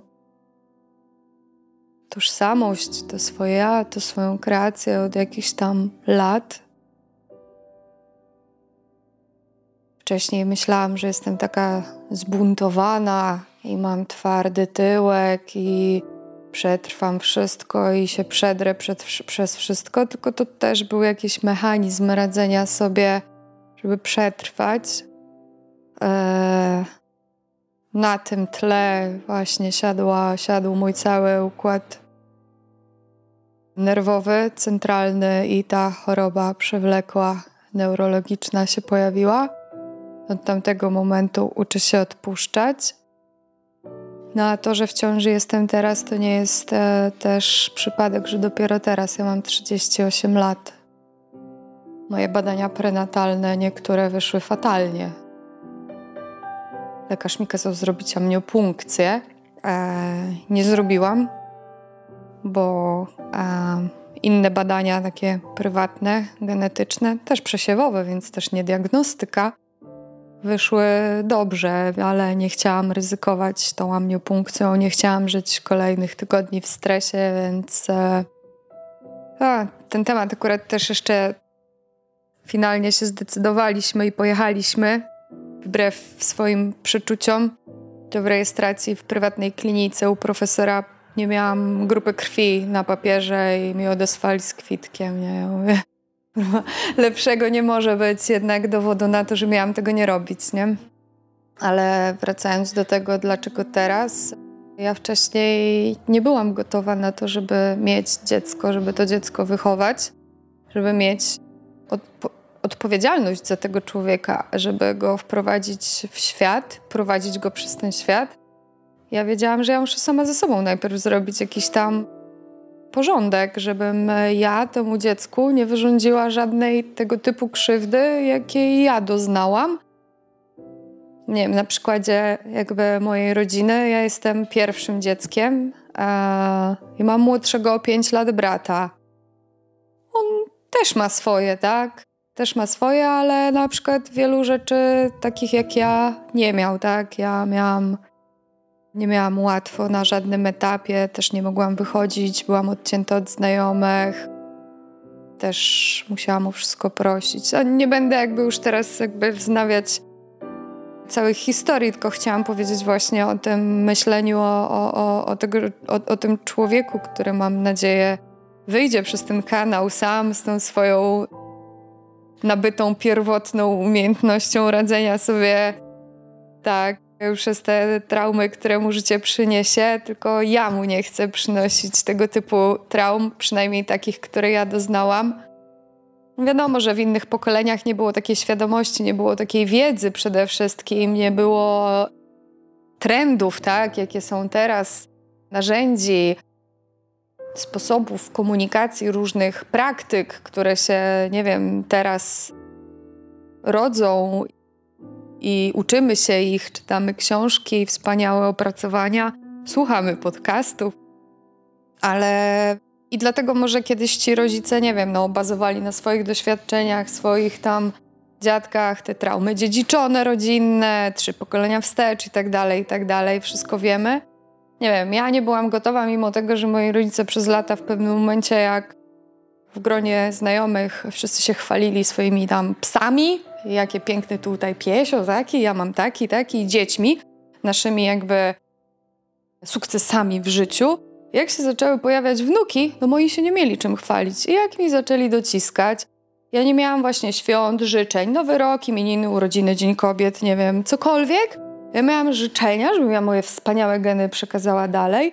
Doszło do afery niejednej, gdzie mój tata, lekarz, chirurg, e, udowadniał mi, że moje geny to jest 50% jego genów, więc on może mi mówić, kiedy ja powinnam zejść w ciążę. Jezus, przepraszam. Ale to jest, wiesz, to akurat było śmieszne, ale to było jakby w stylu, w jakim ja byłam wychowywana, tak? Więc, więc ja rozkładałam ręce. Ja w pewnym momencie nawet nie miałam partnera. Ja mówię, no i co? I bym ci przyniosła dziecko tego, co akurat się z nim rozstałam i byś teraz niańczył? Niańczył? Ty byś go niańczył? Nie było, słuchajcie, w ogóle rozmowy na ten temat. W ogóle oni po prostu uważali, że już, a mój tata jako biolog to już w ogóle na mnie położył, że tak powiem, e, nie wiem co tam się kładzie, ale jakby już byłam skreślona, no bo przecież, e, a i wiek rozrodczy już jest dawno za mną. No i jakby... Czyli byłaś poważną statystyką. Tak, i wielokrotnie słyszałam też, że jak nie mam męża i nie mam dzieci, to nie jestem prawdziwą kobietą. No to Mówisz. Patriarchat No tak, po tak. prostu jest, wiesz, tutaj był wyciągnięty na poziomie Czyli jakichś w ogóle absurdów. trauma y, rodowa. Tak, tak, tak, jak najbardziej. Zapis. To jeszcze taka dygresja, bo teraz jestem w ciąży, to jest druga ciąża. Pierwszą ciążę miałam dwa lata temu i w dziewiątym tygodniu na USG okazało się, że już tam nie bije to serduszko. No i miałam zabieg w szpitalu. No i ten szpital przyniósł mi traumę, mimo tego, że szpitalnie jestem doświadczona y, mocno i jakby procedury, klimat, łóżko szpitalne i to wszystko jakby nie jest mi obce no to świadomość nagle tego, że oni w- mechanicznie będą musieli to jakby ze mnie usunąć, bo leki poronne po dwóch dawkach nic nie ruszyły. I treści papierów, które musiałam podpisać przed tym zabiegiem, to była trauma. No i ja ją sobie przeżyłam. To jest właśnie ten kolejny lejek, nie? O którym mówiłaś. Któryś tam, ten, ten taki mniejszy z tych lejków. No i ja to naprawdę przeżyłam, przerobiłam. Z partnerem mieliśmy taki też bardzo trudny moment. Teraz wiem, że po prostu każdy w tym procesie przeżywania tej żałoby musiał jednak sam ze sobą trochę pobyć, tak? I to było ok. Więc ja już mówiłam o tym, o świadomie prze, przerobiłam to, nie wstydziłam się tego, nie miałam żalu, nie płakałam. Nie miałam też żadnej schizy przed próbą zajścia w ciążę drugi raz. Natomiast zaszłam w tą ciążę drugi raz. Przestałam brać leki antylękowe od psychiatry i pierwszy trymestr stał się koszmarem na tle lękowym. Ja miałam takie schizy, że przy każdym, za przeproszeniem, siusiu sprawdzałam, czy nie mam krwi. Nie spałam totalnie i tak dalej. No i dlatego tak sobie myślę, że ten wynik białka pappa z krwi dlatego się trochę obniżył w ramach normy, a nie dlatego, że dziecko ma chorobę genetyczną i dlatego jakby nam ta amniopunkcja nie poszła zgodnie z zaleceniem mojego prowadzącego lekarza, ale w każdym razie mówię o takich traumach jeszcze, które nagle się objawiły, bo to, co do mnie teraz przyszło, ewidentnie jest efektem tego, co ja przeżyłam dwa lata temu. Ja nie wiedziałam, bo ja to przerobiłam. Ale doświadczenie tamto wywołało taki strach o to, czy będzie to teraz, że no te pierwsze trzy miesiące plus pewnie odstawienie tych leków no, spowodowało to, że to były moje trzy najgorsze miesiące, które przypomniały mi miesiące po diagnozie mojej choroby. Mogę powiedzieć, to jest stwardnienie rozsiane. Ja, sportowy człowiek, który nie wiem, wszystkie ekstremalne sporty, zawody sportowe, nie wiem, event manager, adrenalina totalnie. To najczęściej właśnie takich yy, tak. dotyczy. I straciłam czucie gdzie? W stopach. I przychodzisz gdzie? Do centrum refleksji. No i, i właśnie jakby to było to, co to, ten mój centralny układ nerwowy e, nie wytrzymał, nie? Więc e, jakby te trzy miesiące w tej traumie teraz, spowodowaniem lękiem plus braku wsparcia leków, myślę, że no, spowodował też takie myśli najgorsze, najgorsze z takich stanów depresyjnych, jeszcze wcześniejszych, gdzie też pojawiły mi się już te same myśli, co kiedyś o braku sensu życia. Tego się bardzo przestraszyłam. Zobaczcie, jak to, jak to leci, nie? No. Leci jedna za drugą. Tak, lawinowo, poleciałam jest, domino. Tak, no. leci jak, jak domino i to właśnie jest z tym związane, że my myślimy właśnie, że jest to już w jakiś sposób rozwiązane, a cały czas tylko jakby mm, jeździmy na łyżwach, ślizgamy się. I to ślizganie powoduje, że mamy poczucie ruchu, mamy poczucie sprawczości, mamy poczucie wyboru narzędzi, bo bierzemy tym razem łyżwy, ale cały czas nie dochodzimy do tego sedna. A sedno jest tylko w konfrontacji z tym, co jest najtrudniejsze. A konfrontacja jest wtedy, kiedy postawimy naprzeciwko siebie prawdę i tylko ta prawda spowoduje, że jeżeli ją zaakceptujemy, to to dopiero to wszystko to jest tak jak jest taka śmierć, a nie inna. Najtrudniej się pracuje ze śmiercią, bo to jest absolut. Nie jesteśmy w stanie e, odwołać, odwołać tego. tego. nie jesteśmy w stanie nic zrobić. I czy to jest strata dziecka, czy to jest e, strata rodzica, mm, gdzie e, no ja akurat mam też takie doświadczenie jednego i drugiego powoduje za każdym razem, że to, co ty przeżyłaś, Rosalia, to jest to, że nagle musiałaś stać się dorosła. I to jest najtrudniejsze ever, bo jesteś w dziecku jeszcze, pomimo tego, że ma 18 lat, ja miałam 42, jak mój tata odszedł. I po prostu i czułam, że to jest też tak trudne y, dla mnie i tak niesprawiedliwe i w ogóle wszystko y, nie tak, jak potrzeba. I rozpacz, która, która się we mnie uruchomiła, była tak ogromna, że ja nawet nie zdawałam sprawy z tego, że to jest tak ogromne. Ale taką samą miałam rozpacz, kiedy straciłam swoje dziecko. Tak samo. I tu jest strata, i tu jest strata. Ja zaczęłam tylko patrzeć, dlaczego straciłam tatę, dlaczego straciłam synka. Tu męskie i tu męskie. Tak? I zaczynam wtedy patrzeć na połączenia, które mnie e, jakby wyciągają. Nawet jak to mówię, to aż mnie boli klatka piersiowa. Męska, tak? I od razu to się wszystko po prostu układa. Że jeżeli e, ten proces e, e, traumatyzacji siebie nie wychodzi w prawdzie, że nie dotykamy tych rzeczy, to w tym momencie, zobaczcie, ja byłam na pięciudniowych wakacjach, przeżyłam całą drogę E, krzyżową, misterium w ogóle, które chciałam zawsze zobaczyć, a które mnie powaliło, bo się nagle w tym znalazłam. Nagle. Kukluk sklany, wszystkie takie y, ludzie, którzy chodzili w workach na głowie, takie, tak się tam to przeżywa. Noszenie bardzo ciężkiego ołtarza, takiego migrującego, orkiestra, wiecie, wszystko bardzo patetyczne, czarne Madonny, które szły po prostu całą ulicą. Ja po prostu, mnie wszystko y, tak chodziło, że głowa boli. I pięć dni przeżyłam super i wczoraj dopiero jak byłam najbardziej szcilowana, złapało mnie po prostu y, y, ciepło, gorąco. Weszłam do wody zimnej, bo chciałam się wykąpać, chciałam się oczyścić i nagle zachorowałam. Wracałam do Polski Miałam z 40 stopni gorączki w samolocie. Całą noc nie kontaktowałam. Dzisiaj mam tylko trochę gardła, ale czuję, jak przychodzi fala i odchodzi. I to jest właśnie rezonowanie z traumą. Bo przecież jak ja mogę opowiadać o traumie, kiedy wyszłam, można powiedzieć, z czegoś, co było bardzo e, delikatne, subtelne, e, w radości, w ekspresji itd. Tak Ale to jest właśnie to, że mamy umiejętność wchodzenia i wychodzenia. Ta elastyczność powoduje to, że kiedy jest potrzeba, to się zatrzymamy, żeby zobaczyć, czy ta trauma ze mną dalej rezonuje. Ja nie muszę przeżyć to w płaczu, bo płaczemy wtedy, kiedy się rozmrażamy. I, I tyle łez, ile musi popłynąć, tyle musi popłynąć. To nie świadczy o tym, że ktoś jest płaczkiem.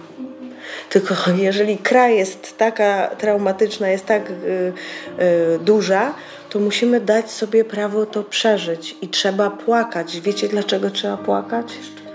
Nie, to jest oczyszczanie, to jest mit dlatego że my dzięki każdej łzie doświadczamy swojej wrażliwości. I każda z tej wrażliwości jest naszą wewnętrzną granicą, żeby już nigdy więcej takich traum się nie wytwarzały. Ponieważ jeżeli ja będę wrażliwa, ja nie będę mogła dokopać Karolinie, że ona mi mówi, że ona ma takie tutaj płacze, tutaj tego, nie, a ja, no i co jeszcze ci robiła, no i co jeszcze tu, wiecie, ja się zatrzymam ponieważ będę miała szacunek do tego, co ona właśnie, właśnie dożywała. I daję jej też swoje świadkowanie przez to, bo ona właśnie mi pokazuje siebie jako człowieka, jako pięknego człowieka. A wiecie, dlaczego tak błyszczy? Właśnie dlatego, że każdy, każda ta trauma, gdzieś przepełniona jakby zrozumieniem, uzdrowieniem, ona świeci jak czarny diament. To jest największe wiedzenie o sobie, że ja wiem, że zrobiłam wszystko, żeby siebie uratować. Każda z nas to ma. W każdej sytuacji, którą przeżyła. Ja postanowiłam kiedyś, że naprawdę uzbieram takich diamentów całą strefę. I będę miała tak jak Santa Maria, tak i wielką koronę i, mm -hmm. i będę się świeciła, bo była przepiękna. Też widziałam, żeby nie było, bo potem szły białe Madonny, nie? Więc widać było też tą transformację i było to naprawdę dla mnie ogromne przeżycie. Nie wiedziałam, dlaczego chciałam to bardzo zobaczyć, ale być może właśnie to była dla mnie też inspiracja, żeby dzisiaj to spotkanie popłynęło na takim głębokim poziomie, bo chyba czujecie wszystkie, tak. nie? że jest bardzo głęboko. I chcę to zamknąć już, bo późna pora, bo jesteście też rozedrgane, ale chciałabym, żebyście tak dały trochę yy, temu, kto nas słucha, takie małe, jakby taką puentę, podsumowanie albo malutki brylancik z tego dzisiejszego spotkania. Tak jednym słowem, tak. Słuchaczu, słuchaczko, bądź dobry dla siebie, wybaczaj sobie. Pamiętaj, że nic nie musisz. Jedyne co powinieneś, to robić tak, żebyś czuł się sam ze sobą dobrze. I to jest bardzo ważne. I od tego warto może nawet zacząć.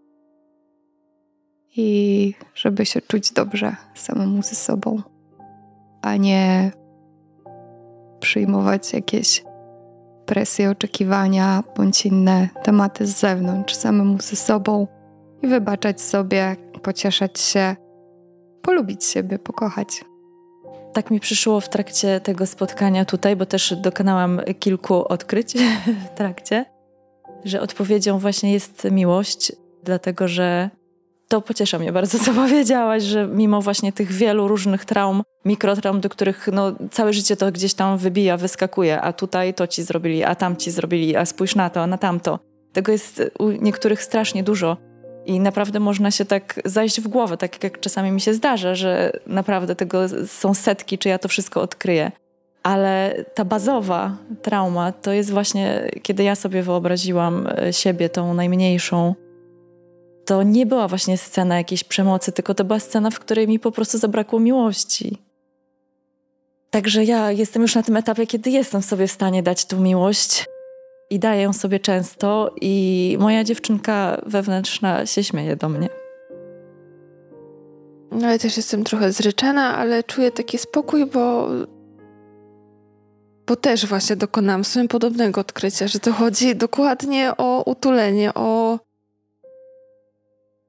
o miłość i o to, żeby sobie pozwolić być wrażliwym, bo to, co ja dzisiaj zobaczyłam w tej medytacji, to była dziewczynka, która boi się płakać, bo słyszy, że jest beksą i, i, że nie wolno wyrażać emocji, wstydzi się i ja właśnie, właśnie nie, właśnie ja będę płakać, będę nosić koronę z czarnych diamentów i po prostu będę i będę to dożywać, bo tak. bo kurde, bo ja bo jestem tak. wrażliwa i po prostu taka jestem.